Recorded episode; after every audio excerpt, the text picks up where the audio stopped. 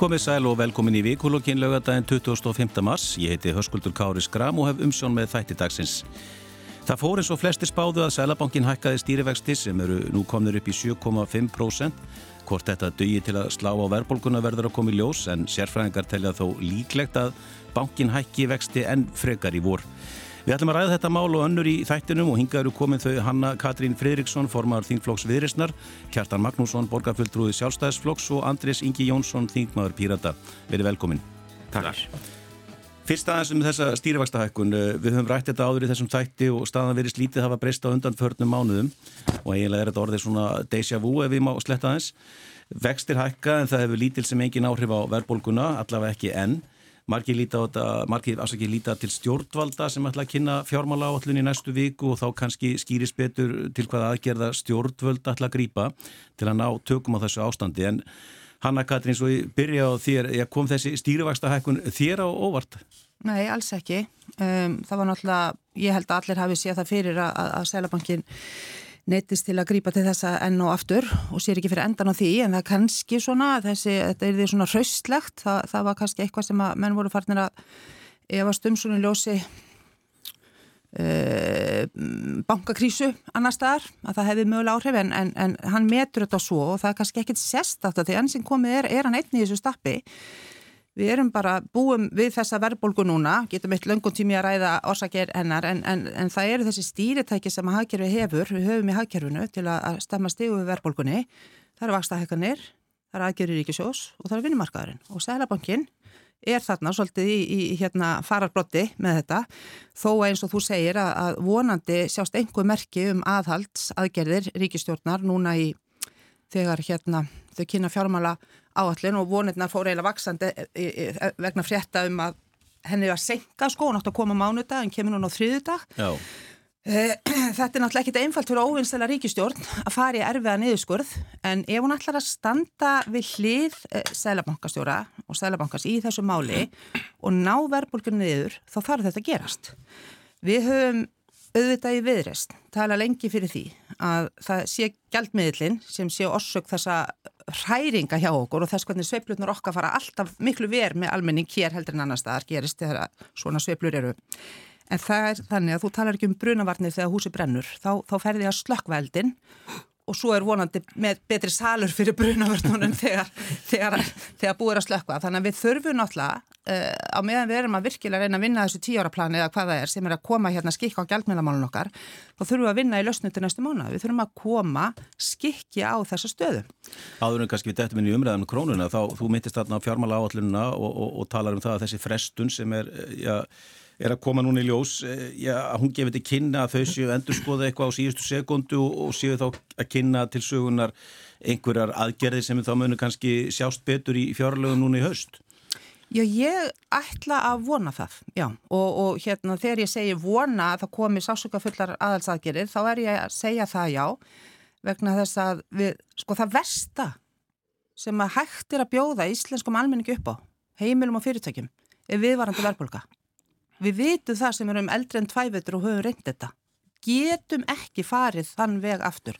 Þannig að ríkistöðin verður að koma inn í og það bara vill þannig til að þrátt fyrir að ríkistöður hafi verið reygin með miklum halla undafarið og verið raunverulega ósjálfbar síðustu ár, þá er samt bár fyrir báru. Það hef, hafa verið ríkisútgjöld sem hægt er að stemma stegu við núna á þess að komi gríðarlega illa niður á, á, á uh, heiminum. Þannig að þú ert að horfa á niðurskurinn ekki, ekki tekju hliðina? Ég held að þurfi hvori tvekja. Ég er alveg klára því að það kom einhverja tekjuöflunar leiði líka, það koma einhverjar vakstahækkanir, nei skattahækkanir fyrir ekki við, vakstahækkanir líka, en hérna, nei, ég það þarf hvori tvekja, það þarf að stemmast yfir við þessum útgjaldavexti á einhvern nátt. Andris, hérna, já, píratar, hva, hver er ykkar stefna og, og, og, og hvað telli þið að, að ætta að gera núna með stöðuna í dag? Sko við erum alltaf að tala fyrir lausnum á sem vanda í kringum síðustu fjármála og þar síðustu líka, það er ekki eins og þetta sé að spretta upp núna. Sælabankin er að grýpa til stýravakstahækuna vegna þess að það er í rauninni eina verkfæri sem hann hefur á svona verkbólkutími menn ríkistjórnin hefur miklu fleiri og hefur geta beitt þeim miklu fyrr. Þannig að við heyrðum í fréttum hvað í dag við gær innvegar á þeirra talum að nú var í lagað auka húsnæðistöðning fyrir árið þá minguðu húsnæðistöðning, sögðu að þau vildi ekki fara í verðbólku hvetjandi aðgerðið eins og þau kalluðu það og síndu þannig að þau væru alveg bara dofin fyrir því að það er húsnæðisvandin sem hefur verið að drífa áfram verðbólkuna. Það að, að dæla peningi að byggja uh, húsnæði á viðræðanlegu verði er leið til þess að takast á við verðbólkuna, ekki, ekki verðbólku hvetjandi aðgerð. Þannig að ég sko, jú ég vona þessi töf á fjármálagallu núna sé til bóðsum eitthvað gott sko en ég, ég reikna ekkert endilega með því að því að þau eru búin að sína alveg rosalega svofandahátt til þessa. En bóð til að bóða, eitthvað gott, er þetta ekki alltaf að fara að bóða eitthvað slæmt ef þetta er e, fyrst og fremst niðurskurður og mögulega einhverja skattahækkanir? Já, það, það er ekkert mála að hækka skatta það sem almenningu finnur ekki fyrir því og við erum ennþá í þeirri stöðu að ríkistöndin er ekki búin að hækka tekjur, ja, skatta á fjármakstekjur en einu nemi uh, hellingur af fyrirtækjum er að skila með hagnaði á síðustu misserum og greiða eigundum sem arð. Það er hægt að stíga eitthvað inn í þá fjármakstilfæslu frá almenningi til hérna ríku og það þarf bara að taka miklu fastar á þessari framfæslukrísu sem er í samfélaginu. Almenningur, uh, sko, almenningur má ekki við því að, að Sæðlabankin sé að auka á þá krísu með því að hækka stýrivexti. Við erum núna með, hvað voruð, 4400 heimili sem eru með fasta vexti sem losna á þessu ári. Þessu ári, já. Uh, og ef við tökum sko, við tökum lánin sem eru í þeirri stöðu á þessu ári og næsta ári, þá eru það 340 miljardar sem almenningu skuldar í húsunum sínum sem munu hækka í takt við stýrivexti núna á næstu tveim árum. Þetta er eitthvað sem fólk getur ekki borið á sama tíma og við höfum séð sko hópin sem nær ekki endum saman við hver mánuðamót vaksa uh, í hvað heitir konun hjá Gallup það sem þetta kann að það sem er aðtöða hvort fólk nái endum saman um hver mánamót hlutfallega farið upp í sko 18% núna. Og ef við tökum síðan fólkið sem er svona nálegt nullinu þá eru það 43% sem að, að rétt skrimta um hver mánamót og þetta er náttúrulega þegar þú ert með næstum halva þjóðina í kringum nullið þá þarf eitthvað að grýpa í tauman og við gerum það ekki með því að velta kostnæðinum að verðbólku yfir á þennan sama hóp í gegnum stýrafstahekkanir. Ríkistjórnin verður að stíga enni. Kjartan, þú ert talsmaður aðhalds ekki bara í borgarrekstri, heldur líka í ríkisrekstri og hefur nú skrifað greinar um það í, í, í blöðin. Er niðurskurðurinn það eina sem er í stöðinu að þínu mati? Já, eða við getum líka að kalla þetta hagraðingu. Uh, Hagræðin er gert kannski að draga saman sko, lækka útgjöldin án þess að það verði eitthvað stórkostleg sko, skerðing á þjónustu. Og ofinbæra eðsla hefur verið svo mikið hérna undanfæri nár hjá hann ofinbæra, bæði hjá ríki og, og sveitafélagum að það er komið tím til að stemma stigu við henni. Verðbolgan er alveg eins og við þekkjum sem munum eftir henni í gamla daga, hún er, hún er anstíkileg þetta er svona viðbótar skattlagning sem er ekki samþýtt á alþingi. Það segir í stjórnarskáni, það var samþykja skatt á alþingi. Þetta er ekki samþýtt þar. Þetta er svona, hún, hún læðist aftan á okkur. Þetta er, þetta er, þetta er tóttlæntum aðeins sem læðist aftan á okkur og um, tekur peningur verskinu okkar, svona, svona nánast þannig að við sjáum ekki til, við bara stöndum, stöndum fram með fyrir því. Og þetta er ekkit einfaldur hlutur. Það er, það er margt sem það er að gera til að stemma stíguðinni. Það er bæði langtíma aðgerðir og, og skamtíma aðgerðir. Og það sem ég held að væri besti skamstíma er að ef að hefðu ofnbæra ríki og sveitafélög sem hafa nú alveg sínt að þau geta snúið bökum saman þegar að stór, stór vandi er á, á ferðinni. Þau, þau bara náðu samkomlaðum það að, að hætta að taka nýlán bara ná í jatta í sínum rekstri bæði, bæði ríki, borg og, og svo stærstu, stærstu sveitafélögin og uh, ég er alveg sannfærinu um það að ef þannig er samstæðum það þá myndir náttúrulega spörn eftir lánsfjöð minga á, á markaði, Þa, það munar nú það þegar ofinbyrðir aðilar hægt að taka að láni kannski, kannski 200-300 miljardar á ári og, og það var í besta og, og helbriðasta leiðin uh, til, uh, til skamstíma til þess að ná niður, niður verðbólgu og þá, þá vöxtum líka. En, en sko þinn formaður hefur sagt að það kom ekki til greina að hækka skatta á almenning. Eh, hafið þið, sjálfstæðismenn, þið sjálfstæðismenn kannski verið full eh, varkárir í það að, að skattleggja samt sem áður stórfyrirtæki, stórútgerðir og, og svo framvegis? Nei, ég, ég er samanlega því að við sko, skattahækkarir er ekki, er ekki lausni núna frekar en áður og ég held að við séum núna að með næst hæstu skattbyrðina yfir OECD okkur vantar bara eitt svona alvöru skatt til viðbót og þá erum við komin í efsta sæti yfir, yfir hæstu skattbyrðinu á OECD og við rekum ekki einu svona hér eins og, eins og allar hinnar OECD þjóðna þjó, gera. Nú, það að fara að og, velja... Og erum ung þjóð. Já, við erum ung þjóð, sko. Já, já ná, ná, nákvæmlega. Það, það er, er ákveðin snjóðinga, ekki bara í lífitsjóðskriðslum, heldur líka bara í aldrei þjóðurna sem, sem við þurfum að horfist í augu við líka. En ég held að Ég held að sé almennt er við horfum að, það, að það er þjóðir sem best hefur vegnað þá held ég að það verði að vera almenni skattlagning auðvitað kakvart almenningi, líka kakvart fyrirtækjum og, og mér hugnast ekki svo leið að taka út ákveðin flokk fyrirtækja og láta þau borga einhverja auka skatta. Þannig að þú ert algjörlega mótvallið því að vera já, til að mynda hækka auðlindaskatta einhverju marki? Já, ég held að, ég held að lausnin, sko lausnin fælstalti, það er náttúrulega típisk laust stjórnmálamanna að hækka bara skatta, hækka skatta, það, það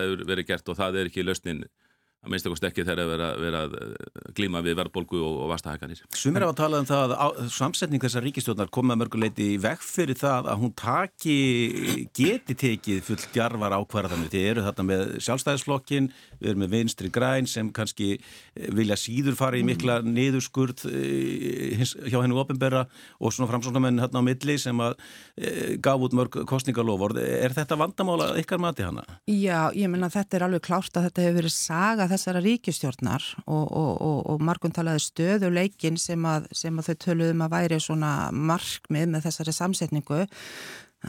Ég segi nú bara sér hverju stöðuleikin þegar letið til ástansins en, en hérna þetta þýðir það raunverulega bara stöðnun. Eh, það hefur tekið gríðarlega langan tíma og þá ekki bara við um þessi mál sem við erum að klíma við núna. Við kynum tala um helstu úrlausnarefni á sviði eh, orkunýtingar og náttúruvendar og annað slíkt. Þetta verður alltaf eitthvað móð bara og svo þetta, sko, hér nefnilega hefur mér þótt og stjórnvöld ekki síður en aðrir hræra svolítið saman í umræðinni annars við að baróttunum við verbulguna sjálfa og síðan aðgerðum sem meða því að aðstofa þá sem fara vest út úr stöðunni. Það er ekkit endilega verið að róa þar alltaf í sömu átt.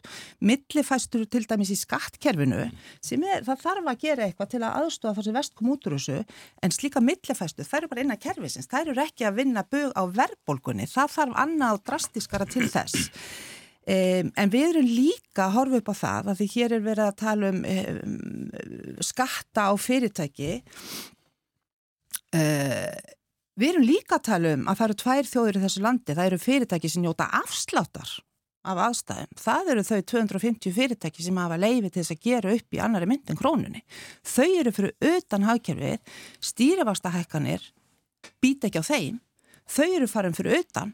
Og það gerist ímislegt að eigur á, á ójapvægi í samfélaginu. Þetta er ósangjant, ég myndi vilja fá alla þjóðina, þeir viti alveg hvað hugum minn stendur, ég myndi vilja allir nýttu þessa fína efru afsláttar.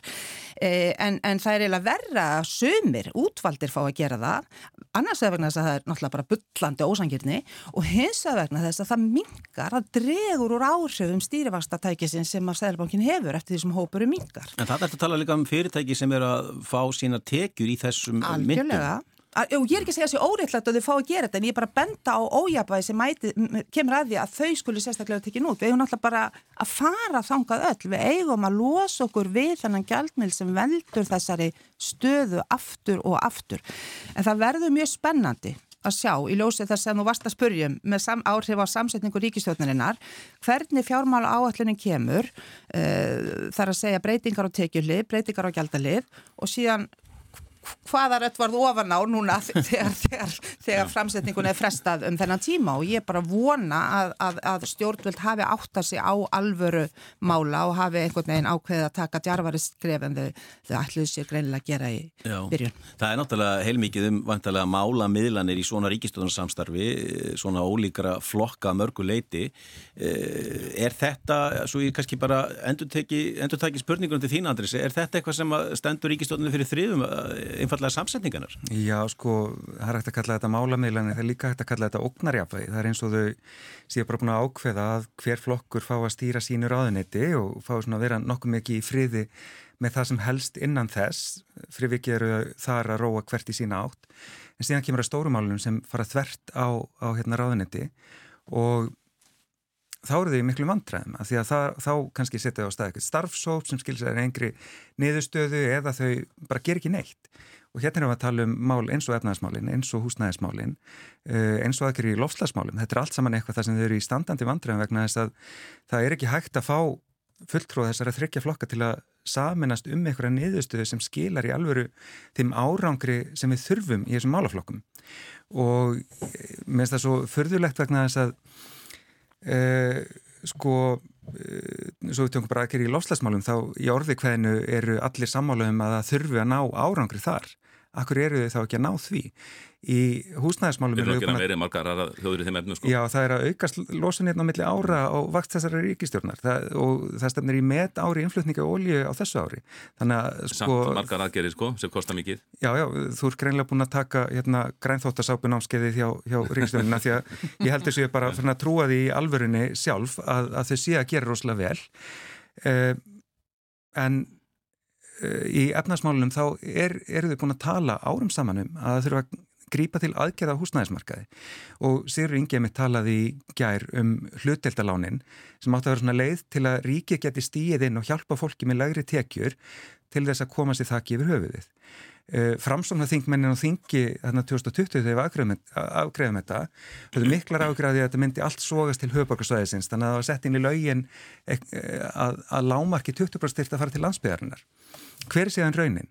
Þegar þessu stilt upp, þá fer þetta allt út á landsbyggð af því að mörkin miða við húsnæðisverð sem bara sérst ekki á haupöksvæðinu. Þannig að hluteldalánin eru, uh, þau, þau eru fyrir að fyrsta ekki að nýta peningin sem er settur í það úrræði og þetta er eiginlega neitt að nýtast á haupöksvæðina því á sama tíma á þetta úrræði hefur verið til staðar hefur húsnæðisverð á haupöksvæði hækkað um 50%. Þannig að það er líka út á loðaskorti sko, það er líka bara borgarið vildum að kenna. Uh, já, þarna erum við að tala um lán sem er ætlað að á höfbruksvæðinu að standa undir því að kaupa húsnæði til dæmis, tilbúið húsnæði já, já, já, og það er ekki endalust hægt að benda á eitthvað sem sko var ekki eins og til umræðu þegar frumvarpið var afgreitt. Þetta snýrist um það að stíga inn í markaðin eins og hann var, hefur ekki nýst til þess og þau eru í tvö ár ekkert búin að gera til að laga það. Við töluðum um það í síðustu fjármála og öllum bentum á að þau vera sko draga úr stuðningi til þessa hlutar og til hérna, almennu íbúðana sem eru leiðu íbúðir fyrir fólk með lágatekjur. Uh, Hvorugt var aukið? Núna mæti segir ringi og segir já við þurfum að skoða þetta þegar allt er komið í kaldakól mm. og hversu trúverðugt er það eftir tvekkjara sinnulegs af hans álfu? Sko ég get alveg tekið undir gaggrinni á, á húsnæðismálinn en vandamáli er ekki það að stjórnmálamenn stýji ekki nú mikið í markaðin sko vandamáli þar er að stjórnmálamenn er alltaf að stýja í markaðin það gekk best í húsnæðismálum ég gæti fjárfæst í íbúð tvítugur vegna þess að íbúðir voru bara miklu miklu miklu ódyrari vegna þess að loða var, var, var miklu lagra heldur, heldur en nú er. Síðan komu stjórnmálumenn sem töldu ástæði til að stíðin í markaðin og það var búin til loðaskóstefna, það var búin til loða uppbóðstefna, það var búin að myndast verða á loðum og síðan hefur verið spilað með þetta og, og loðaverð er mjög hátt og bara, bara og við erum komið milliliðin í þetta eins og, eins og milliliði og vandamáli, vandamáli þarna er að stjórnmálamenn og alþingi og, og, og Reykjavíkuborgunum sveitaflegu er endalist að stíðin í markaðin og stjórnmálamennin telja þeirra séu bestið til að stjórn þessu.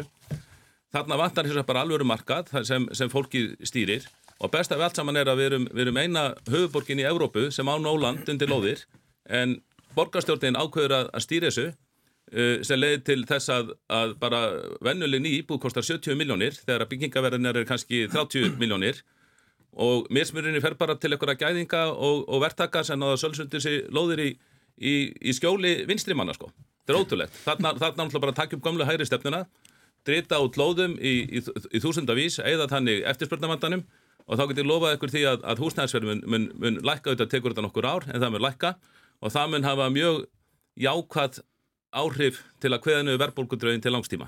En ég ætla, mér langar kannski aðeins að því að nú, nú eru komið með, hérna, mér langar kannski að, að nefna annað, já, ég, ég tengist þín og reyndar, því já. það var nú formaður þíns ágæta flóks sem að lísti því hér yfir að nú væri komið, fyrir ekki svo löngu síðan, að nú væri komið lang, lágasta hérna, samfélag eh, á Íslandi, þauks ég frábæri stjórn hans í efnaðasmálum og og menn skildu varast aðra flokka vegna þess að þá gæti verðbólgan rokið á stað. Þetta var náttúrulega ótrúlega mikil skamsíni að grýpa til þessara kostninga áróðurs á sama tíma og, og, og annars vegar var verið að dæla peningum inn í hagkerfi vegna COVID um, og vitandi um betur. Voru, voru Jú, ekki, en, en það voru samanlega Já. það, en ég er að tala um að koma síðan með þessa, hérna, Já. þennan áróðurum að við værum búin að vinna bug á vaksta og verðbólgudrögnum hérna endanlega. Ég menn ekki betur Eh, þið það er stór hluti ekki meiri af því- peningar settir í COVID sko.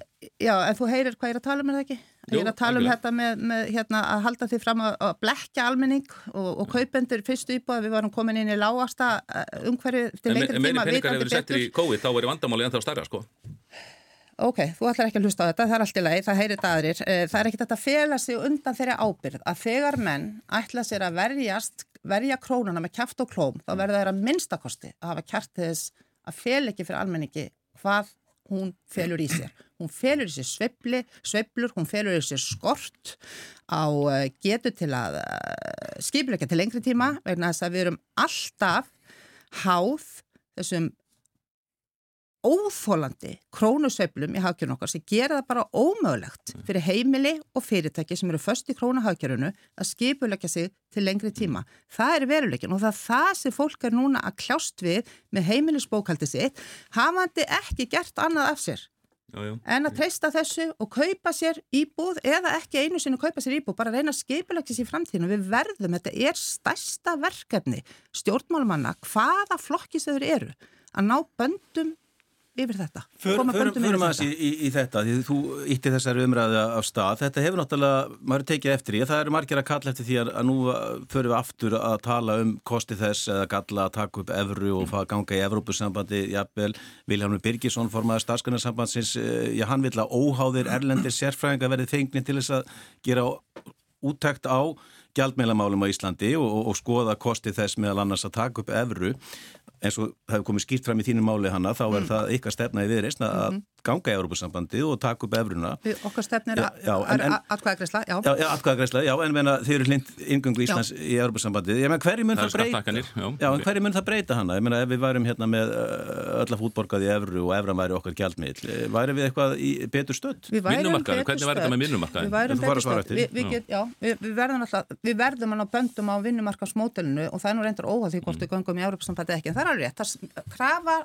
krafan er þið meiri ægi í ríkisfjármálum, meiri ægi á vinnumarkaði. Við myndum ekki heldur þurfa þessar eilifu baráttu um að, að hérna, samband kaupmáttar og, og, og, og hérna, launahækana ef við værum með stöður í gjaldmiðil. Vextir myndu lækka. Þetta setur kröfu á okkur um aga í stjórnmálum, um aga í hagkerfunu um aga í áallunum. Það er alveg lóst og það hefur löngum helstaru, helstu rökin fyrir því að við þurfum hérna sjálfstæðan gjaldmiðil er þú að við erum lítið hagkerfi, við erum til dæla óstöðuga uh, atvinnugreinar, þú veist, það koma sveiflur hjá okkur. Það er alveg satt svo langt séð það nær. En þegar allir vita af þessum sveigalega, þá fara menn að spila á hann. Stjórnvöld þurfi ekki að sína sama aga því þau geta nýtt sér sveigalega gjaldmiðilsins. Vinnumarkaðarinn þarf ekki að sína sama aga í sínum vinnumarkaðsmótil og kjærasanningum þegar hafa alltaf sveigalega gjaldmiðilsins. Þannig að þetta vinnur hvort gegn öðru. Þannig að það er þessi ægi, undirleikjandi ægi sem þarf til að komast inn í Evrópasambandið og, og ganga til liðs við, við hérna, þau hagkerfi sem þar nýta evruna. En þetta tekur gríðalega langa tíma. Ég er hins vegar samfærum það bara með því að taka ákvörðunum að hefja þessa vegferð. Það myndi knýja okkur inn í þann aga að við myndum strax að njóta góðsaði. En það er alltaf verið, alltaf sagt, sko, ég man eftir þess að umræðu svona í, í kjölfar bankarhunsins og sínu tíma þegar Evrópusambandsumræðan var líka mikil í samfélaginu og við sóttum reyndar um aðild. Mm. E, þá var alltaf að tala um þetta, já þetta leysir engan vanda í dag, kannski eftir fimm ára, en ef við hefum gengið í Evrópusambandi já, fyrir átta áru þá varum við að glíma við annars konar mál í dag. En, þetta er gallið stjórnmálana. Já, já, en, en, kjartan hérna, þú ert vantarlega ekki sammála þessu þessari stefnu viðrisna. Nei, ég, ég, held að, að skipti bara aðal máli að vera með góða stjórnarhætti, vera með góð ríkisfjármál og, og, og góð svona uh, mál frá degi til dags og þá, það skila sér bara, við njótum auðvitað áastana af því. Ég held að það sé, það er bara eitthvað fixiti eða þetta sko með að, að ganga sambandi þá, það batni allt, við vitum, við vitum að alveg hvað mér breytast að sjálfsagt að ræða það, sjálfsagt að ræða það stöðut og eins með krónuna, þú veist, hvort að ég kasta, kasta henni þess að ganga kannski sambandi, hvort það sé, það sé hægt. Það er líka kostur. Þó sé erfið sko sjálfsagt að, ræði þetta. Og en margir, ekki- margir af helstu talsmönnum yngöngu Íslands í Európa-sambandi þeir hafa nú snúið baki við þeirri, þeirri hugmynd eins og, eins, eins og þekkt er. Minna, Jón Baltin Hannibalsson, við munum hann sagði, uh, talaði um brennandi, brennandi hús. Þeir, Európa-sambandið áalegu við sína, sín vandamála stríða líka. og það myndi ekki leysa ok okkar vandamáli veltið til þess fyrir mig hvernig að við erum með mjög ósveganlegt vinnumarkaskerfi hvernig, hvernig gengi þetta ef það væri ef það væri, ef það væri samið í efrum um, um laun? Og við sjáum að, að margar, margar þjóðir sem eru, með, sem, sem eru þannig það, það eiga erfitt með að hafa sama segjanleika vinnumarkaði og við sem, sem kemur fram í atvinnuleysi og ýmsum þáttum sem við undum ekki vilja sjá í Íslandi. En það sagði reyndar að það, það, það þurft að spila með bæði, jú, jú. bæði breytingar þar og á, á bara almöndum efnaða stjórnin okkar sko Já. og það er það sem er kannski eftirsóknarvert við þetta vegna þess að þessa sveiblur það er ekkert hægt að bjóða fólki upp á þetta lengur en það er bara, sko þannig. við erum seiflugkent takir, við munum ekkert breyta því þó við gangum í Europasambandi það er alveg rétt, en, við munum ekki gera það en, en við spilum á þess að seiflur mm. fyrir ekki að sko leipa þeirra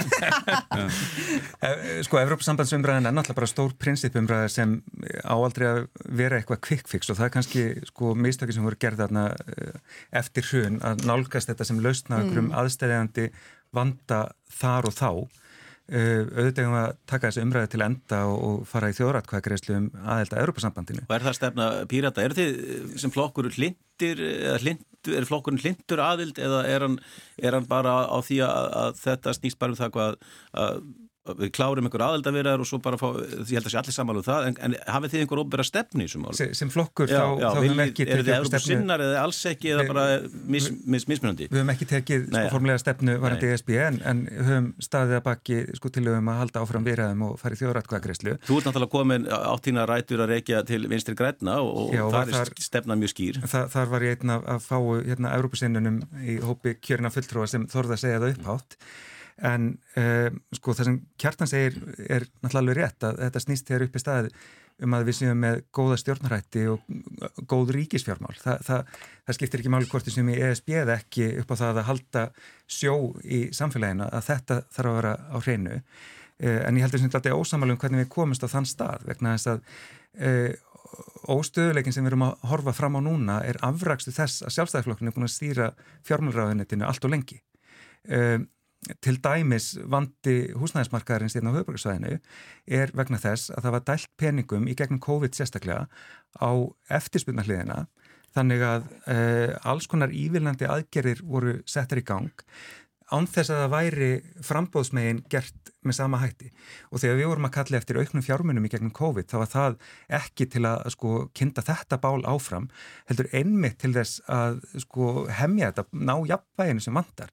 Að byggja upp húsnæði sem gæti til dæmis skapa þetta heilbriðan leikumarkað af því að það er hópur sem er algjörlega útundan í þessu öllu og, og sko það að ríkistjónin stýi ekki inn bara nú þegar með þá neyðarakir að setja eitthvað svona leigu bremsu til þess að, að leyendur verður ekki skildir úti í kuldanum núna í gegnum þetta, þetta ástand. Og afrækstunum náttúrulega sá að, að braskarar hafa bara óhindra fengið að kaupa upp heilu hverfin og, og koma á legumarkað og tjekka verðið bara hægri vinstri. Uh, og þetta er akkurat uh, hluti af vandanum sem fælst í því að vera ekki að ná böndum á ótæpilegan hagnað fyrirtækja sem að er að ganga sérstaklega vel í þessu ástandi, út af þessu ástandi. Að við sjáum til dæmis að maturveslun hefur verið að skila meiri hagnaði á síðustu 3-4 árum en árin þar áður. Á sama tíma á mataverð hefur verið að hækka það auðvitað skilur okkur eftir með... Margum rætti sveigjalegi veitir þeim blað skjól Já, svona. nákvæmlega. Og, og sko verðvitund fólks, hún auðvitað dopnar í verðbólgu. Og þá er allt og auðvelt fyrir eh, stór fyrirtæki að taka ekki sameiginlega þátt í því að, að milda þetta högg, heldur bara velta ofstórum hlutaðis út í verðlæðið, beint á almenning, sem má ekki við því. Ég nú, ég, ég nú bara taka hana sko, ég er mikill Európa sinni þó ég vil ekki gangi Európa sambandið en varandi húsnæðismarkaðin þá, þetta er að mörguliti góðu lýsing hjá, hjá Andrisi en eh, vandamálið þessi vandi var byrjaður löngu fyrir COVID, þessi óheilbriði húsnæðismarkaður, sérstaklega í Reykjavík og, og viðar á höfbruksvæðinu, hann var orðin til áður en COVID kom til, kom til skjálana. En það sjálfstæðarflokkurinn búin að vera lengur í ráðunetin en, en COVID? Nei, sko, uh, lóðaútlutanir eru sveitastóttamál, ágætið þingmaður. Ég, ég, ég minnst þess ekki að hafa, hafa séð aðtvagristur á alþingjum um lóðaútlutanir. Það, það gerist í, í sveitastofninni og Reykjavíkur borg býr svo vel að hún er, hún er landmesta höfuborg í Evrópu, raun eina höfuborgin í Evrópu sem á nóga, landi. En á hindbógin þá býr hún svo illa að hafa vinstri menn við, við stjórnvölinn, miðstýringa sinna sem tellir sig vita betur en fólkið hvernig að hafa hlutina. Þeir hafa komið á sem fyrirkomulagi lóðaskortur upp á lóðum mjög, mjög, mjög hátt verð þannig að ungt fólk getur ekki keftir húsnaði núna eins og, eins og var lengi hægt að gera á, á Íslandi. Og við sjáum bara með nýjasta kerfið hérna Kjeldnalandið Jújú, það á, það á ágætaði fyrir austan 11 ára og það á að brjóta það undir lóðir, mjög fínt en það er staðið hann að málunum sérstaklega að það verið tryggt að, að sem hæst verð og, og í samstærfi í ríki sem náttúrulega ótrúlegt þá að tryggja hérna mjög hátt lóðaverð og það er ekki þá í fólksins en, en Andris Greindedalir rétt sko hvað var þar frambóðslegin að það vantar, vantar frambóð lóðum til að nánuðu verðinu En hvernig viltu nánuðu vöxtum? Af því nú er það þeir sem eru að Ég er að tala um lóðuverðið eitt, eitt sem við getum, sko, eitt, það eru skamtíma aðgerir en langtíma aðgerð í baráttum við verðbólkuna mm. væri að stórauka frambóð á lóðum á höfuborgsæðinu og sérstaklega í, í, í Reykjavík þannig myndi á nokkurum árum uh, verðið, þetta lækka á lóðum verðið lækka á húsnæði Slíkt myndi lækka verðbólguna, slíkt myndi hafa góð áhrif á vexti. Hún er tæp 9% núna án húsleðislegarins? Já, en sko mörg síðustu ár, bara reynir frá aldamótum, þá hefur, hefur hækkandi, hækkandi húsnæðisverði Reykjavík hefur knúið áfram verðbólguna og meðal annars komið okkur á, í þennan vanda sem við erum nú ný. En viljum við lækka verð á lóðum? Er það ekki að koma þá mörgum í, í til dærulega mikinn vanda ef að einn fjárstæðan guða bara upp 1, 2 og 3 út af því að... Þetta gerist, þetta er hmm. ekki kvikkviks, ég sagði þetta er langtíma aðgerð, þetta gerist ekki á einu ári, þetta, tekur, þetta getur tekið upp undir áratug. Hvað er kvikkviksið þá? Kvikkvísið uh, væri að draga úr ofinbreiðslu kvikkvísið væri kannski til dæs bara og ger, mun ríkistöndin gera það núna? Ég, ég myndi vilja sjá, ég, já, en ég veit ekki hvort það gera ég myndi vilja sjá að Ríkjóborg tækja höndum saman og næði bara samkomlagi og ásamt stærstu sveitaflegunum um að draga úr ofinbreiðslu og hætti að taka, hætti að taka lán bara, bara á árunni þá er þetta bara dreyði úr, úr, úr lántökum og, og farið að reka þessa sjóði ríkisjóð og, og sveitarsjóði hafa, hafa það sjálfbæra. Þá, það myndi draga úr spurn eftir lánsfið og það myndi mjög fljótlega nánuðu vöxtum. Þa, það er kveikvísið. Já, ertu þá að tala um, má ég? Já, bara Ertu þá að tala um, af því sko, nú erum við náttúrulega með nokkur ánættið sem eru já. gríðarlega útgjálta mikil. Já, ég held að við getum öll samanst um það að, að vel, velferðarkerfi okkar og heilbríðskerfi er ekki á þeim stað að, að það geti tekið á sig, hérna, það, það er allavega flóknara vandamál, flóknara vandamál sem við eigum við að etja þar, því miður.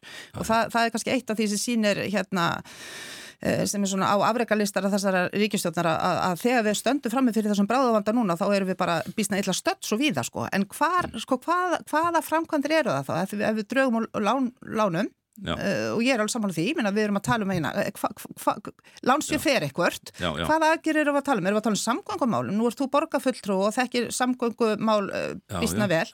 Eru að tala um það, er það Sigur Ringi sem er að taka hérna bolta núna? Sko það þurftu auðvitað að eiga sér stað hagraðingi öllu kerfinu og, og það er bara ekki verjandi að sé, við séum að hlaða skuldum á börnin okkar á barnaböld bara mm. með því að lifa umfram efni, við verðum auðvitað bara að ná jættvægi eins og hvert annað fyrirtæki eða heimili verður að, verður að gera.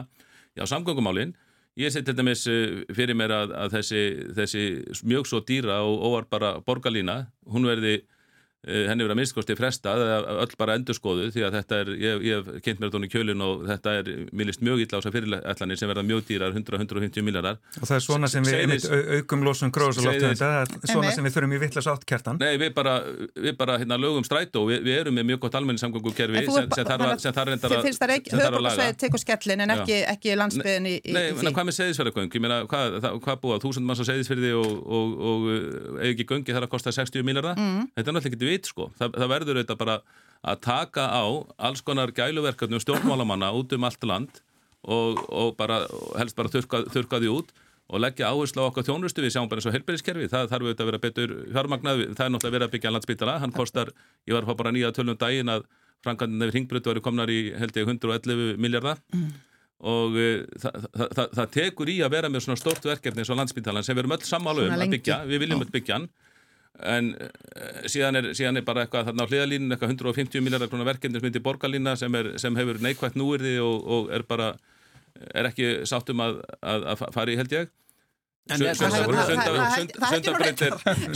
er annað Tín út verkefnin sem eru sko stóru, rísastóru loftlagsverkefnin raunverulega og hvernig viltu bæta þá samgöngur á höfuborgarsvæðinu almenningssamgöngur ef ekki með einhvers konar eh, borgarlínu með, með því að bæta það strætókerfi sem við höfum núna við, við erum með kerfi strætókerfi sem kostar það er gífulega mikið vannýtt bara ef maður, maður ber, ber þetta saman með almenn kerfi í Európu þá er þetta mjög vannýtt en það er hins vegar alls konar leiðir, leiðir til að laga það. Og mér fannst mjög leiðilegt að sjá þegar ég hóf aftur störf sem borga, borgarfulltrúi eftir, eftir hérna hlýja að strætó hafið að mínu viti verið algjörlega mannræktur. Það, það er svona bara basic hlutir sem bara eru í, í strætókerfum í Európu sem virka mörg hver mjög vel sem hafa verið mannrækt hér kannski að því menn eru að býða upp til borgarlínunni og þá, þá búða þessi til okkar fjárvistasönu þá, þá nota þær það sem afsökun fyrir að, að, að vannrækja strætó eins og við sjáum að hefur verið gert.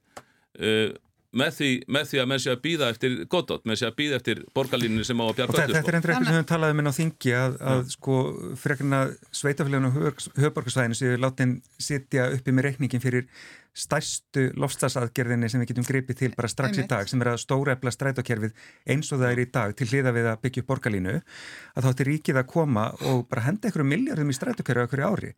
Þannig væri hægt að auka tíðni, fjölga leiðum og já.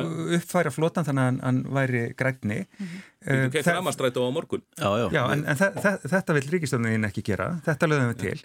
Við lögum líka til við síðustu fjárlög að verðbólgu hemmjandi aðgerð þá lögum við til að niðugreiða tímabilikort í strætu um helming til að hjálpa fólkinu sem kannski niðugreiða, niðugreiða, herri skattar sko já, þe þe þe þetta var þinn flokku til að gera til að hjálpa fólki að komast utan landsbyði í, í hérna flug til Reykjavíkur kalla loftbrú og mm. verist bara að þeirra mati hafa tekist mjög vel Akkur gera það sama fyrir fólk sem þarf að stóla á strætó dagstælega? Þetta er áhugavert hvernig við fórum um umræðum um stýrivakstahækkun yfir í, í, í borgarlínu og strætó en, en, Já, og, og, en, en ég ætla aðeins að fá að skiptum umræðinni sann sem áður fyrir ykkur sem voru að koma að viðtækjanum þá sittum við hérna Hanna Katrín Fredriksson formað Þingflóks Verisnar, Andris Ingi Jónsson Þingmaða Pírata og Kjartan Magnússon borgarfulltrúi sjálfstæðisflóks og rafbissuvæðing laurugluna var til umræðu á alþingi í vikunni. Umbósmaður alþingis hefur auðvitað sett út á stjórnsísli dómsmálar á þeirra í málinu og sagt að hún hef ekki verið nægilega vönduð.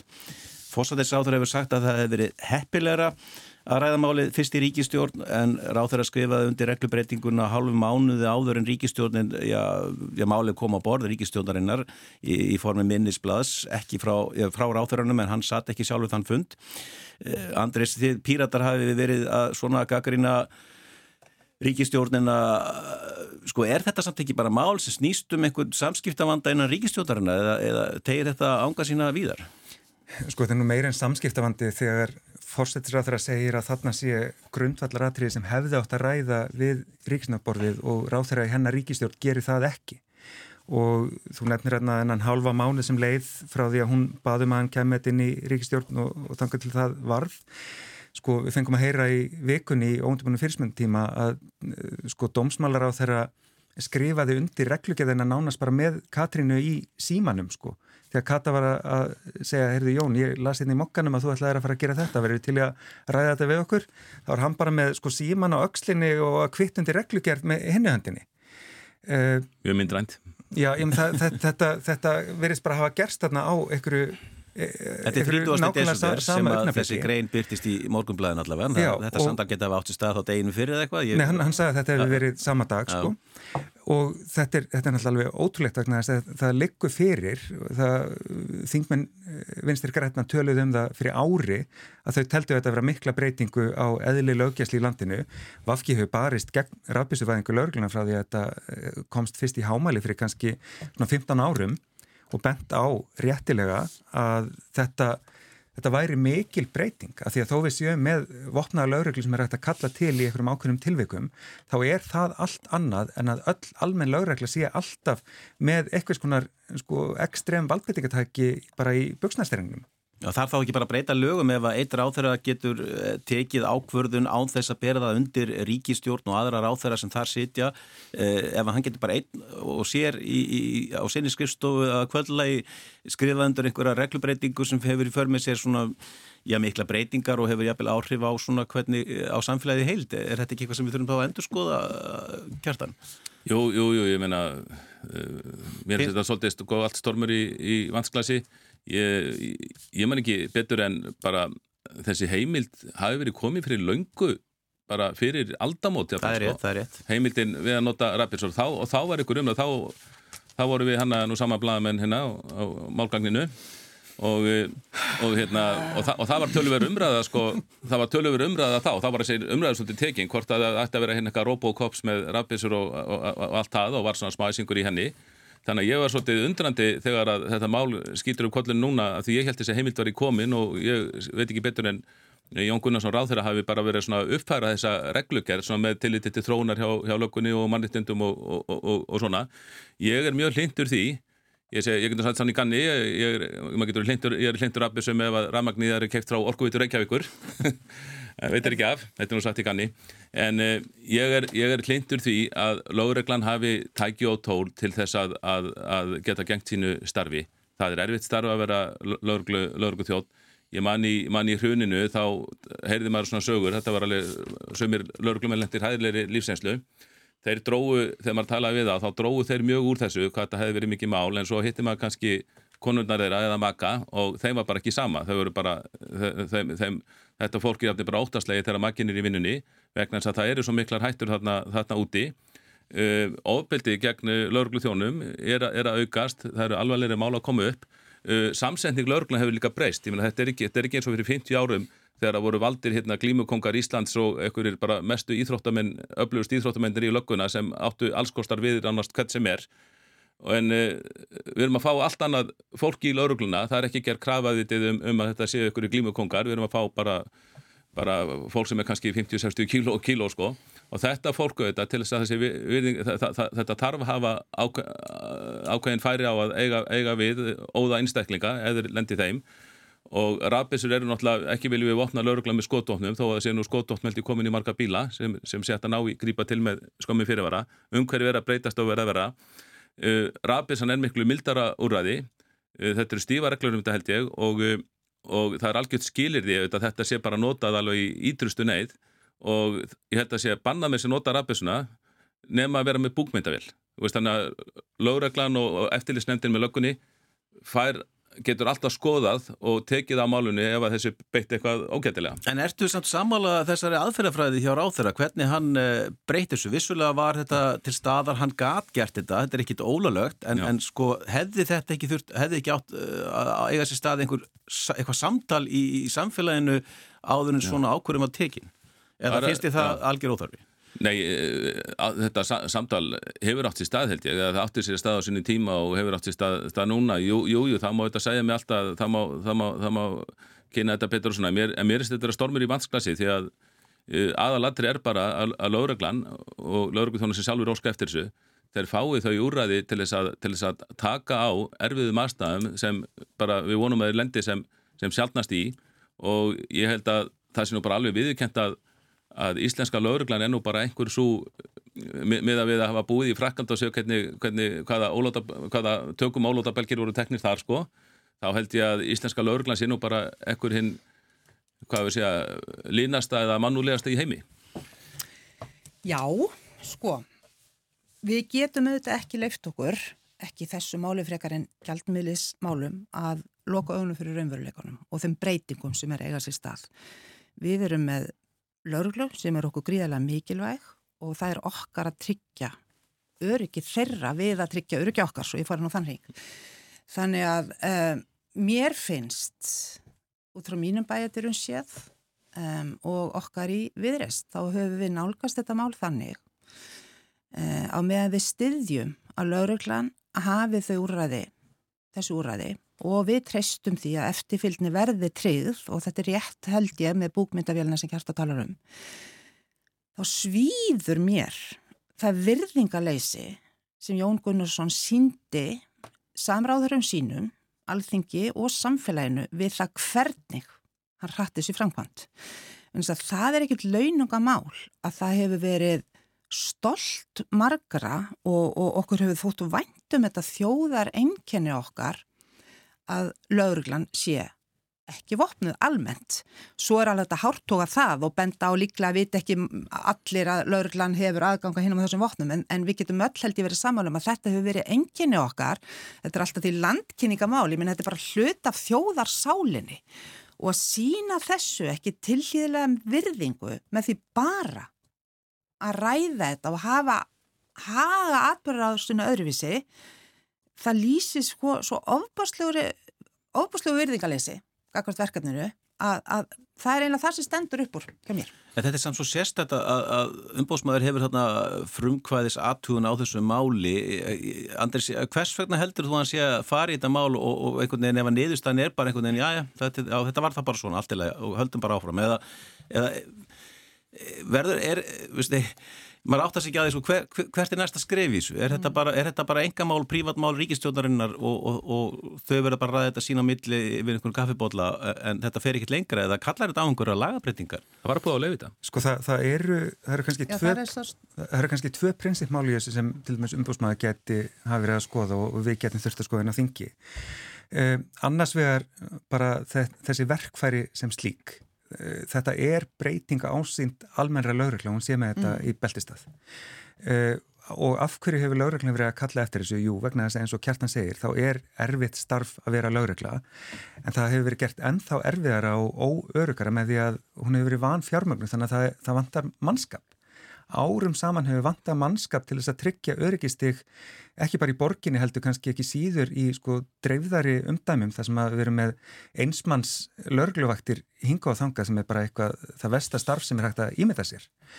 Uh, og þetta er aftur vegna þess að sjálfstæðiflokkurinn er ekki bara búin að stýra fjármjöldraðunetinu alltaf lengi heldur dómsmála líka. Þetta er bara vanrækt stjætt og frekarinn að takast á við grunnvandan sem þarf til þess að tryggja öryggi þeirra og þar með almennings þá uh, velur Jón að fara þarna einhverja kvikkviksleið og kaupa bara nýjar græjur sem er hægt að nota til að, að stuða fólk. Og síðan er hitt prinsipmálið sem er sko uh, hvaða afleiðingu þetta hefur á einstaklingana. Vegna þess að við vitum það sem að rafbísur hafa verið innleiktar að, að þeim er ekkert beitt jaft á allt fólk. Það eru jáðarsettir hópa sem verða að freka fyrir þessu, það er uh, fólk með uh, geðra mandamál sem verður fyrir þessu hvort viljum við frekar að löggan sem er nógu mikinn mannskap til að geta tala niður mann í geðrófi eða svo fáliðuð að hún skýtur á mér afbísu. Þetta, þetta er náttúrulega, þetta er ekki, þetta er ekki líku saman að jafna. Mm. Og svo náttúrulega stendur eftir það sem við þurfum kannski helst að tala við, við stjórnaflokkana um. Uh, hvað segir það um samstarfið að uh, Jón Gunnarsson, svona sé alltaf í ykkur hann, hann, það er eins og hans sko, stjórnlaus stundum. Það er ekki bara þetta, það er líka að hann bara tilkynir einhvern veginn bara í forbífartina hann ætla að selja uh, flugvél landhelgiskeslunar hann gerur afturjaka með það. Hann uh, er búin að standa í vegi fyrir því að alþingi geti veikt ríkisborgarrétt með lögum uh, og í þessu máli þá, þá kemur hann með þetta vitandi að vafki er á mótið í í prinsipinu en hann bara nánast eins og til að lítilækkaðu viljandi kemur fram með þetta. Og svo er eins og hann sé ekki sjálfrátt að sko hann fyrir sig hann að benda á einhverja tölfræði um vinnuslýst lauruglumanna sem kemur sig hann ljósað bara uppdýktuð. Hann getur ekki eins og sagt, sagt, sagt satt í þessu máli til að raukstiða heldur fyrir að segja að það hefur orðið eitthvað svakalega aukningi vinnuslýsum lauruglumanna svo þegar vinnu eftirlitið er spurt þá, þá segir nei við sjáum það ekki. Og já, vel að merkja, það hefur enginn beð okkur um að taka þetta saman áður. Þannig að ráðherran bara annars það er vinna eftirlitið það er bara, það er bara, það er talan sem Jón sagði að hann væri að vitni það er ekki langt sem ég sá bara hann var bara ekki að segja já. satt kjartan. Ég var ekki sko að vinnust til að bara fjölkun alvarlega mála þar sem mennir að lendi í valdbendingu og mjög erfið maðurstaðum en það er greinlegt að Jón Gunnarsson er mjög, mjög röggsamur og, og stjórnsamur og bara og gaggrinni og hann stuðar greinilega stjórnarnarstöðuna og mjög mikið og það sýnir mér bara að hann er að vinna vel sitt starf. Ja, Hann er ekki bara að stuða stjórnarnarstöðuna því hann er auðvuslega að stuða samstagsflokka í ríkistjórn aðalmálið. Og það er kannski tilgangurinn Já, þá ræða menn sé bara ekki eftir það sko. ég, ég, kannski... ég held að þetta er svona ekki alvarlegsta málið sko. Nei, nei, nei, nei það, það er að nóga að taka hjóni af alvarlegu málum. Það er eins og hans er bara í fullu starfi sko, Þú taldir þetta upp Andris að því að auðvitað er það þannig að það er ríkjandi óviss en það hvort að hann haldi áfram sér á þeirra það er búin líka fyrir alveg frá því að frá alþingiskostningum að sjálfstæðismenn ætla að skipta út af ráþurum eftir já, Eh, Bjarni Bendisson sagði það í, í, í viðtali strax að afloknum alltingiskostningum fyrir einu og halva ári síðan. Þannig að það er svona búið líki í loftinu að, að Jón er á leiðinni já, kannski ekki endilega út en allavega yfir þá yfir í eitthvað annar ráðunetti eh, en mikil óvis engað síður. Er þetta, Andris, svona til Mars um það að hann sé svona hálgjörðu skæruliði bara reynlega og reyna að koma sem flestum málum í gegn áður en að hans empatistíð tekur enda. Ef hann fer þá eitthvað tíman, ég veit ekki, ég, sko, Bjart sinni ég vil endilega sjá hann vikja sem fyrst en, en, en ég, ég ættir að sjá það gerast að því að... Þið getur nú settið saman í hann... En þetta er kannski hérna, akkurat máli sko að við getum talað hérna dægin langan um alls konar svona mál sem var það skæru hernaði á milli ráðherra ríkistjórnarinnar eða ráðherra við þingflokk eins stjórnarflóksis eða, eða hvernig það er sko. E, það verðist bara svo mikil orka hjá þessum þrejum stjórnarflokkum fara í svona mál á meðan eldar brenna á heimilum hvers einasta á, á, á hverja einasta, hverja einustu fjölskyldu í landinu.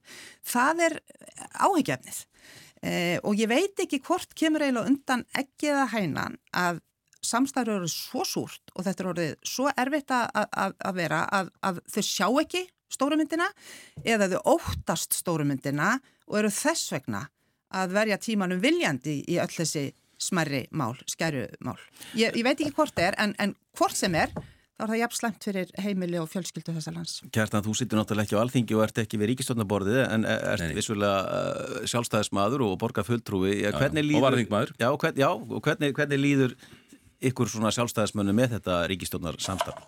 Er þetta súrt eins og hanna lýsir? Nei, ég upplega ekki þannig. Ég þess að komið inn á þinga á, á, á kjörðanabilinu og, og uh, tel að maður er einu svona Já, ég held ég vinni hérna í öllum, öllum flokkum á gamla samstagsmenn sko.